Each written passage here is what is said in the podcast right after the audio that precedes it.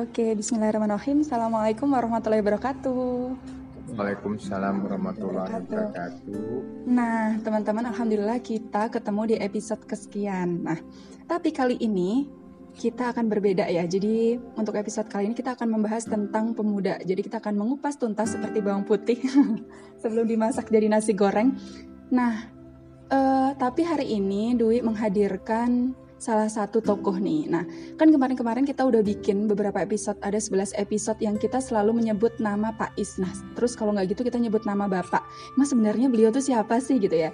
Oke, nah hari ini Alhamdulillah beliau bersedia untuk direkam suaranya. Hmm, jelas ini kalau tokoh susah di, susah ditemui. kalau biasanya ya eksklusif ya pakai P eksklusif gitu ya eksklusif nah kalau sebenarnya setiap hari kita selalu berada di kelas untuk membahas atau mengupas-mengupas uh, pemberdayaan tentang pemberdayaan tentang kepemudaan bahkan tentang tauhid gitu ya kalau di kelas gitu. Tapi hari ini kita pengen gitu ilmu yang kita serap di kelas itu bisa di bisa disimak juga nih terus bisa didapatkan juga oleh pemuda-pemuda yang memang butuh nih untuk mencari visi hidup terus ingin benar-benar sadar penuh hadir utuh gitu ya dalam kehidupannya. Sehingga apa ya kemarin itu ada sebuah uh, pernyataan gitu. Saya takut nih teh gitu. Takut menua tapi benar-benar nggak berguna gitu. Jadi ada ketakutan uh, yang dirasakan oleh para pemuda gitu. Dan hari ini kita akan mengupas. Nah beliau siapa? Beliau adalah Pak Iskandar B. Kunto Aji. Kalau misalkan teman-teman pengen searching nih, pengen tahu profil beliau, silahkan bisa di searching di, Wiki, di, di Wikipedia. Nah, terus Uh, tapi sedikit bocoran bahwa beliau adalah uh, pendiri dari inisiasi inisiatif bisnis ekonomi kerakyatan. Ya, oke. Okay. Okay, Bapak. Selamat datang di ruang dengar podcast kami seperti itu. Nah, Pak seperti yang tadi ya udah duit sampaikan gitu. Kalau ternyata nggak cuma duit nih Pak sama Teh Ayu yang ngerasain apa ya khawatir gitu kalau hidup kita tuh nggak bermanfaat. Ternyata yang kami cukup bahagia gitu karena mendengarkan curahan hati para pemuda kalau mereka ternyata juga takut gitu bahwa mereka menua tapi nggak berguna. Seperti itu pak. Nah kalau ada pernyataan kayak gitu gimana nih kalau dari bapak? Apa yang perlu dilakukan oleh pemuda gitu? Apakah memang perlu visi hidup gitu? Terus yang kalaupun memang perlu visi hidup visi yang seperti apa gitu? Sehingga memang ketika mereka nanti menua gitu kita tuh semuanya gitu kita para pemuda tuh nggak yang ya Allah nyesel banget gitu. Dulu nggak ngapa-ngapain kayak gitu pak. Oke terima kasih Dwi. Terima kasih Ayu. Uh, pernyataan menua tapi tidak berguna. Maka barangkali yang saya mau garis bawahi adalah berguna. Ya. Manfaat apa sih sebetulnya kemanfaatan hidup kita di dunia? Itu kan yang dipertanyakan oleh banyak pemuda kemanfaatan hidup kita di dunia. Saya barangkali mau kembali ke karena saya muslim maka saya akan kembali ke apa? Dalil-dalil yang membuat seorang muslim itu benar-benar muslim sudah dijelaskan bahwa kita harus menjadi rahmatan lil alamin, menjadi rahmat bagi alam semesta. Nah, menjadi rahmat apa sih rahmat? Silahkan jawab sendiri ya. Saya eh, pikir nggak usah. Alam semesta. Nah, alam semesta itu apa? Ya, alam semesta kan semuanya yang ada di dalam bumi maupun yang di outer space. Ada di situ manusia, ada di situ binatang, ada tumbuh-tumbuhan. Jadi kita bukan hanya bermanfaat untuk diri kita, keluarga kita, atau kelompok kita, tapi ya harus juga bermanfaat bagi makhluk yang lain, bagi orang yang lain, bagi binatang yang lain, bagi tumbuh-tumbuhan yang lain. Artinya kita harus berpikir uh, integral, holistik. Holistik itu yang kayak gimana tuh Pak? integral holistik ya bahwa kita hidup ini kan harus saling dukung mendukung. Hmm. Saya tadi Mbak Dewi nyebutin nasi goreng di awal pembicaraan. Nasi goreng tidak akan terjadi kalau tidak ada petani yang membuat beras. Hmm. Tidak akan terjadi kalau tidak ada petani yang bikin bawang, bikin cabai, bikin segala. Nah,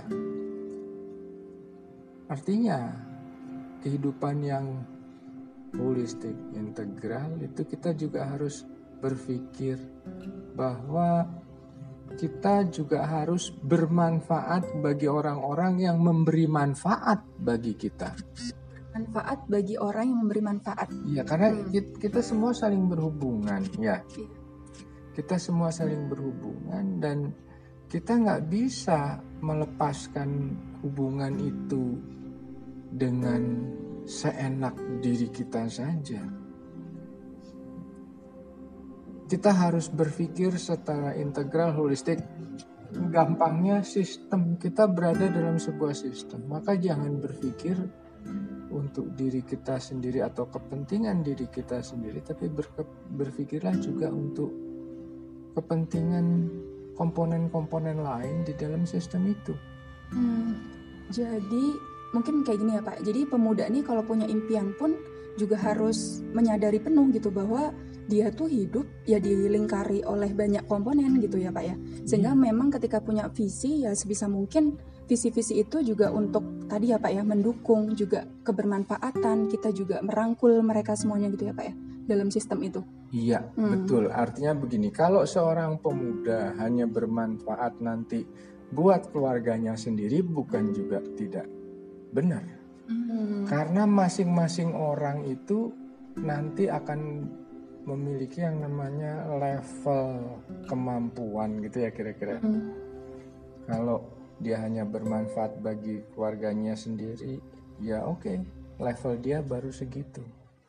Level rahmatannya dia sebagai seorang manusia itu hanya segitu.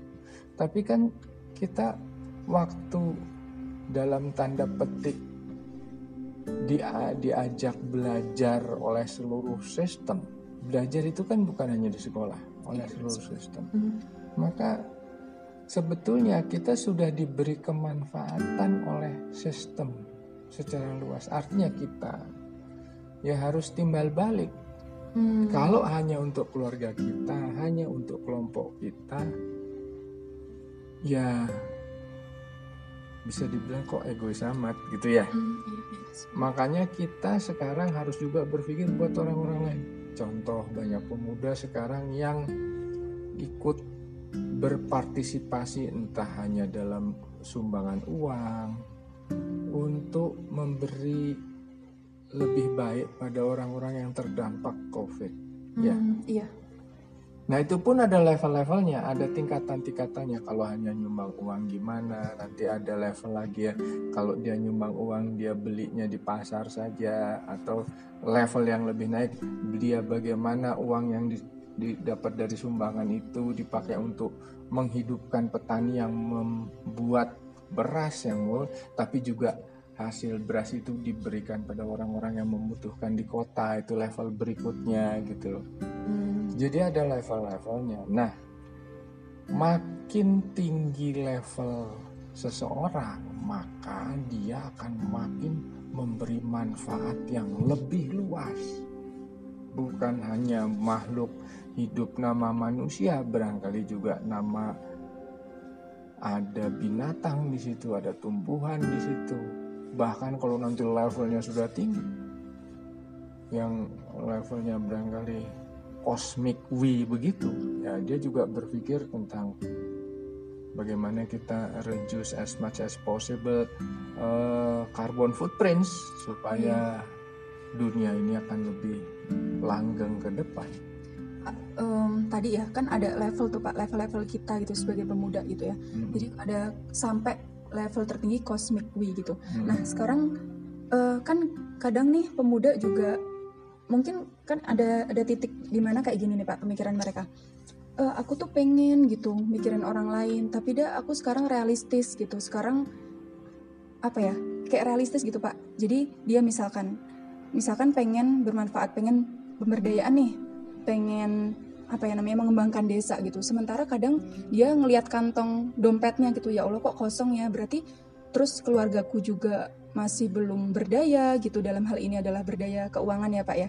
Jadi mereka berpikir ya udahlah aku habis lulus gitu ya mending aku sekarang fokus gimana aku bisa belajar di kuliahan, terus bisa lulus dengan IPK baik, terus berprestasi, terus saya bisa kerja di perusahaan, bisa dapat uang gitu atau bekerja di tempat lain terus dapat uang sehingga di situ saya bisa membantu keluarga saya sendiri gitu Pak. Kadang tuh ada kayak gitu Pak.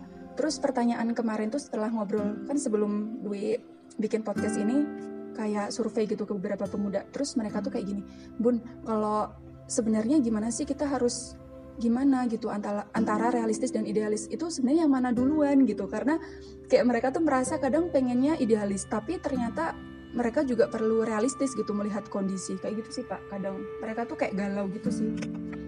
Ini kelihatannya kok complicated bener ya hidup ya Iya complicated banget tapi begini saya mau menyederhanakan pola pikir kita saja. Hmm. oh, saya harus begini ya? Iya deh. Iya pak. Ya, kalau begini. Saya mau menyederhanakan pola pikir. Artinya saya berharap dengan analogi seperti ini kamu terus bisa mencoba mengenali masalahmu. Ya. Saya coba sederhanakan supaya nanti dari itu kau bisa men, men, men, men, mendapatkan hal yang lebih kompleks penerangannya. siap-siap Tadi di awal kamu bilang nasi goreng. Nah, gitu nasi goreng. Oke. Dan kemarin waktu sahur saya juga makan ada katanya mie Aceh apa apa lah ya. Oke. Dan buat saya itu pas, tapi buat orang lain itu wah kurang garam, kurang garam. Dwi juga Nah, kurang garam Kurang garam. Oke, sekarang saya mau coba kasih sedikit analogi. Garam bikin asin. ya Makanan harus asin cukup itu sebetulnya yang di-develop itu apa? Your imagination. ya Saya karena sudah sering nggak boleh sama dokter, dimarahin istri dan lain-lain ya sudah saya ikutin lah. Dan buat saya ada rasanya bahwa ada rasa sedikit kari, ada sedikit uh, katakanlah banyak rempah-rempah di situ. Asin itu bukan lagi hal yang dominan. hmm. Ya, iya iya Sementara yang lain ini sudah ada rasa rempah-rempah-rempah begitu kurang asin ya tetap kerasa. Karena their fokus fokus mereka itu pada imajinasi bahwa garam nah, masakan tanpa garam adalah ibarat hidup tanpa cinta makan kacau nah nah ini yang kita dalam tanda petik berada dalam imajinasi bahwa makanan harus pakai garam ya heeh. makanan harus digoreng, makanan harus begini. aku banget Coba mari kita rubah imajinasi hidup kita. Maka makan tanpa garam pun itu akan kita ngerasain taste-taste yang lain di situ. Ya. Covid ini balik agak agak melebar dulu. Covid 19 itu menyebabkan kita harusnya rethinking, memikir ulang sebetulnya kita nih tugas kita dalam kehidupan itu apa? Analoginya makan kita itu harus seperti apa? Apakah harus merasakan komponen-komponen herbs apa eh, rempah-rempah yang tadi disebutkan atau hanya garam?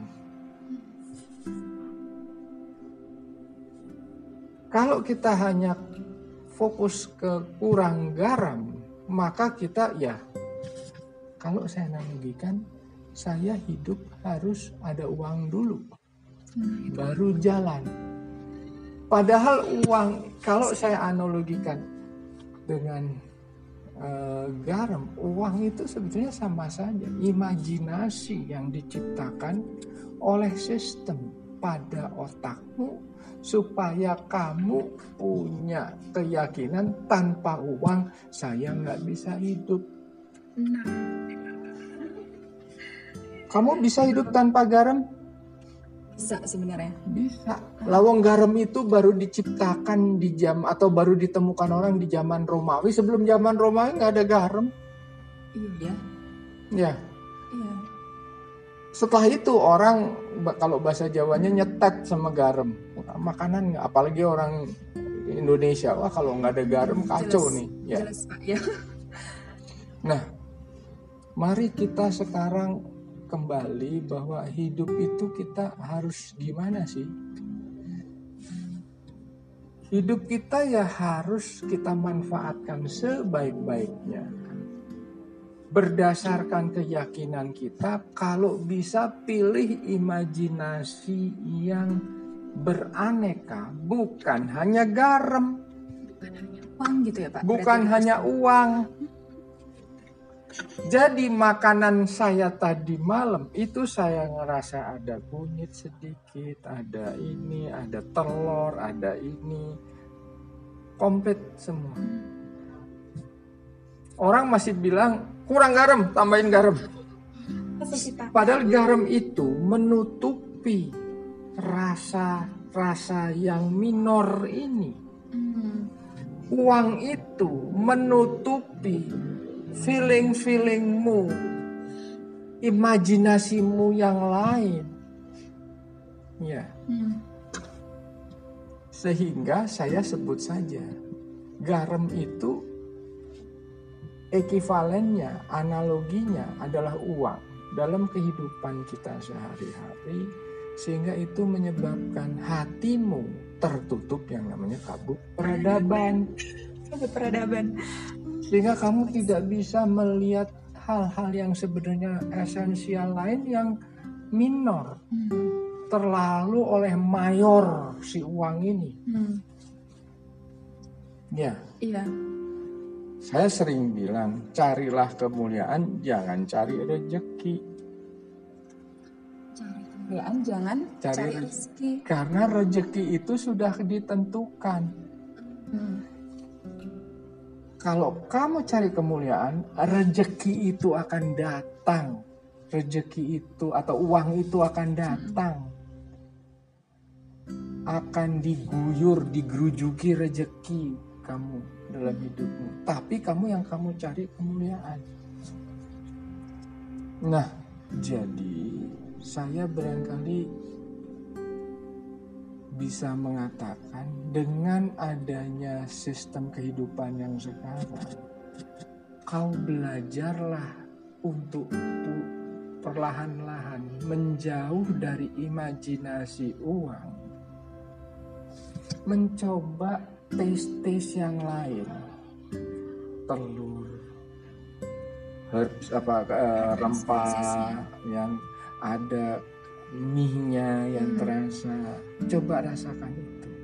Itu adalah bagaimana kamu mengasah kemampuanmu merasa. Ya. Sehingga garam bukan ah, garam ya oke ada garam. Alhamdulillah nggak ada garam. Ya nggak apa-apa sekali-sekali saya makan garam. Ya nggak. Garam buat saya hmm. membuat tekanan darah saya naik analoginya garam atau uang hmm. membuat kehidupan saya jadi hubud dunia. Ya, gimana? Jadi, oke, okay, mari kita sekarang melatih sensor-sensor kita yang lain supaya rupiah itu bukan menjadi hal yang utama di dalam imajinasi kita. Yang kita harus latih adalah kan imajinasi. Imajinasi berarti tadi uh, apa ya Pak? Maksudnya kita nggak fokus gitu ya. Maksudnya kita nggak nggak fokus satu uang gitu bahwa kita realistis nih kita harus hidup harus ada uang gitu. Kita hidup butuh uang bukan itunya, tapi tadi ya berarti merubah orientasi menjadi kemuliaan gitu. Apa yang bisa kita lakukan untuk benar-benar menuju Allah gitu kan ya.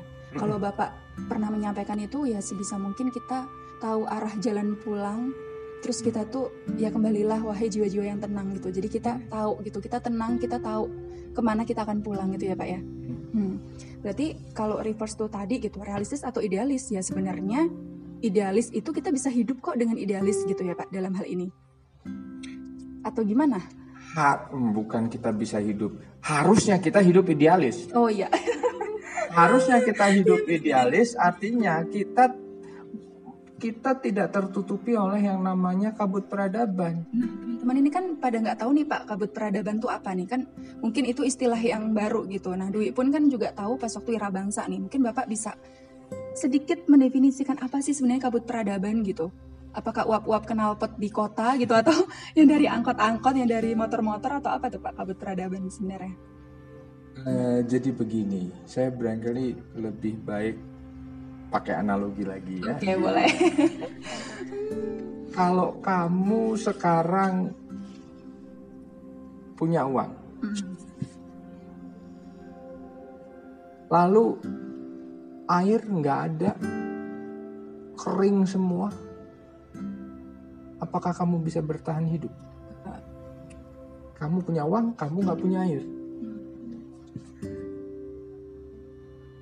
Padahal yang terjadi sekarang di dalam peradaban kita sekarang, untuk dapat air kita harus dapat punya uang. Iya. Sehingga yang dikejar atau yang dilestarikan bukan air, kita melestarikan air, tapi mencari uang supaya dapat air. Iya, benar-benar. Ya kan? Iya, kayak nah, gitu. inilah yang saya sebut kabut peradaban. You tidak melihat what is the intrinsic component untuk kamu bisa hidup. Kamu tidak melihat apa yang akan membuat kamu betul-betul bisa paham pada kehidupanmu. Ah, itu kabut peradaban. Mungkin agak sulit dicerna. Oke, tapi kamu tidak bisa melihat dengan jernih apa yang kamu bisa atau apa yang kamu harus dapatkan untuk kamu dapat hidup dengan benar. Semua itu terdistorsi oleh saya kalau mau dapat air harus punya uang. Padahal kalau katakanlah saya bisa dalam tanda petik mendapatkan air segelas dengan cara saya bikin pengembun dari udara, then you don't need money Hmm. Ya. Iya, sepakat.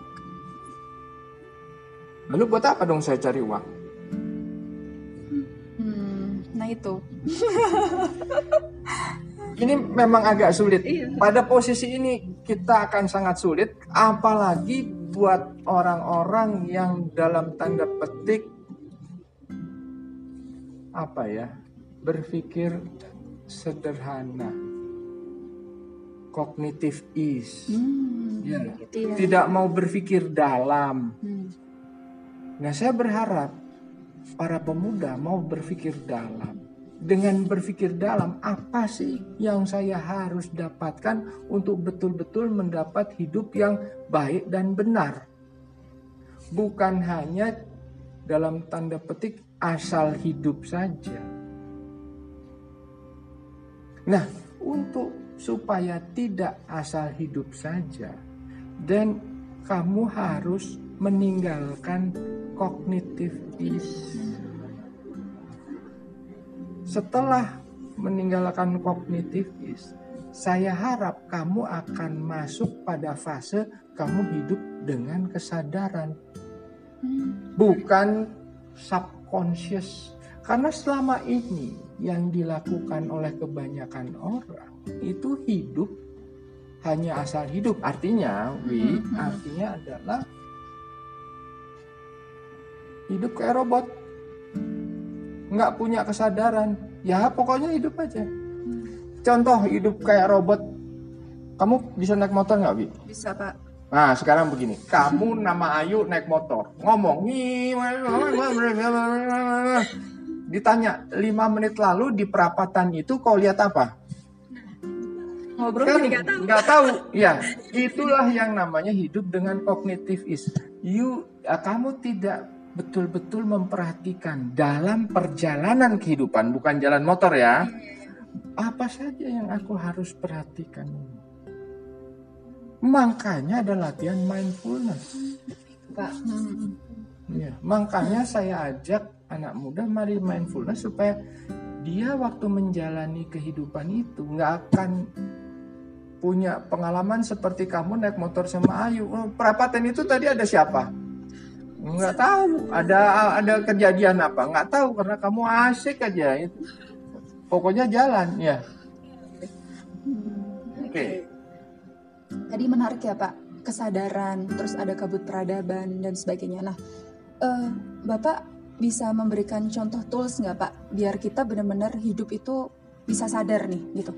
Sementara kan eh, yang apa ya kita kita coba nyinggung sistem pendidikan gitu. Sementara kalau kita kuliah jelas gitu Pak orientasinya pasti yang diarahkan itu ya ya udah nanti pas kamu kuliah kerja nih. Jadi itu sebenarnya nggak nggak secara lugas disampaikan seperti itu, tapi sistem pendidikan kita itu eh, menggiring gitu ya, menggiring bukan menggiring, diarahkan itu ke sana gitu karena memang pendidikan bisa dikatakan juga sebagai salah satu menjawab kebutuhan para perusahaan dan eh, pemilik modal kayak gitu Pak. Jadi kira-kira saya diminta untuk gimana sih mendevelop kesadaran gitu? Iya betul, karena kan mungkin sistem pendidikan kita belum bisa memfasilitasi itu tuh Pak, biar orang tuh bisa benar-benar sadar gitu. Karena jarang nih Pak pendidikan yang memang atau sistem pendidikan itu memberikan apa ya chosen eh, pilihan gitu, pilihan ke para pemuda untuk menjadi ya udah kamu nanti ketika sudah lulus jadilah penggerak masyarakat yang kamu tuh bisa membersamai mereka untuk tumbuh dan mengembangkan potensi lokalnya misalkan kan jarang gitu Pak kalau misalkan diarahkan ke sana gitu. Tidak ada pilihan-pilihan seperti itu. Pilihan-pilihannya adalah bagaimana jadi mahasiswa yang benar-benar ketika sudah lulus ya kamu bisa untuk bekerja di perusahaan-perusahaan besar seperti itu. Pasti tinggi, Nah, betul. lulusnya cepat. Hmm, ya, yes. oke. Terus nikah sama cewek cantik misalnya kan kayak gitu gitu Oke. Pak ujung-ujungnya tuh gitu. Nah gimana tuh untuk model Oke, Wi, sebetulnya begini. Pemberdayaan masyarakat atau kita bermanfaat pada lingkungan itu nggak usah diajarin di kuliah. Hmm, Yang harus diajarin di kuliah itu barangkali pembentukan kesadaran.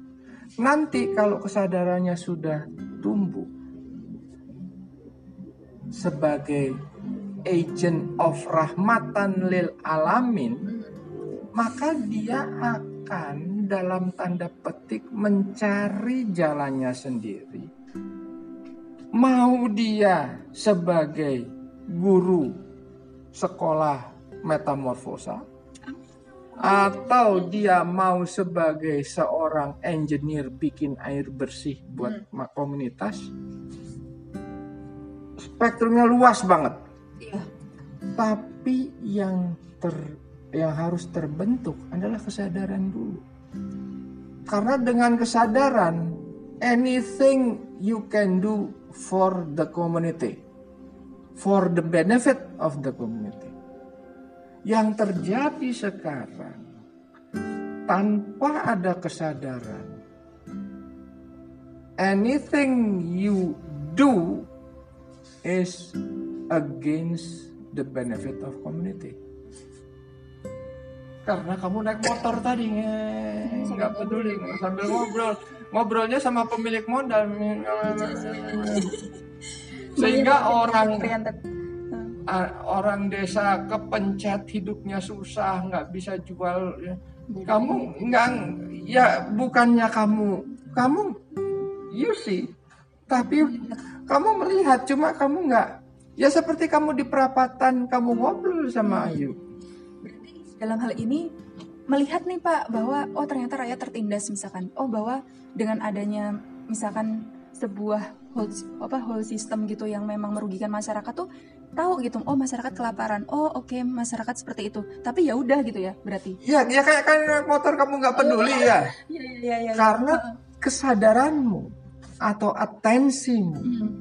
itu tidak pada saat kamu mengendari ada apa di sekelilingku hmm. tapi karena kamu ngobrol.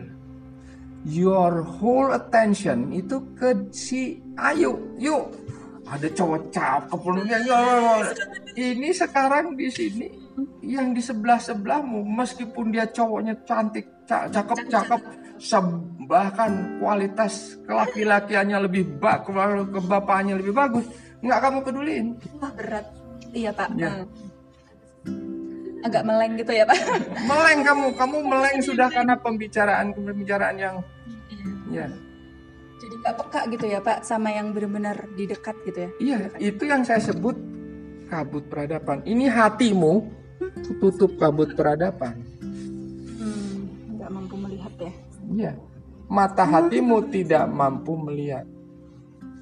Yang sakit bukan apa? Ada tuh ayatnya, tapi yang sakit adalah mata yang ada di hati. Yang buta adalah mata yang nggak tahu saya yang mana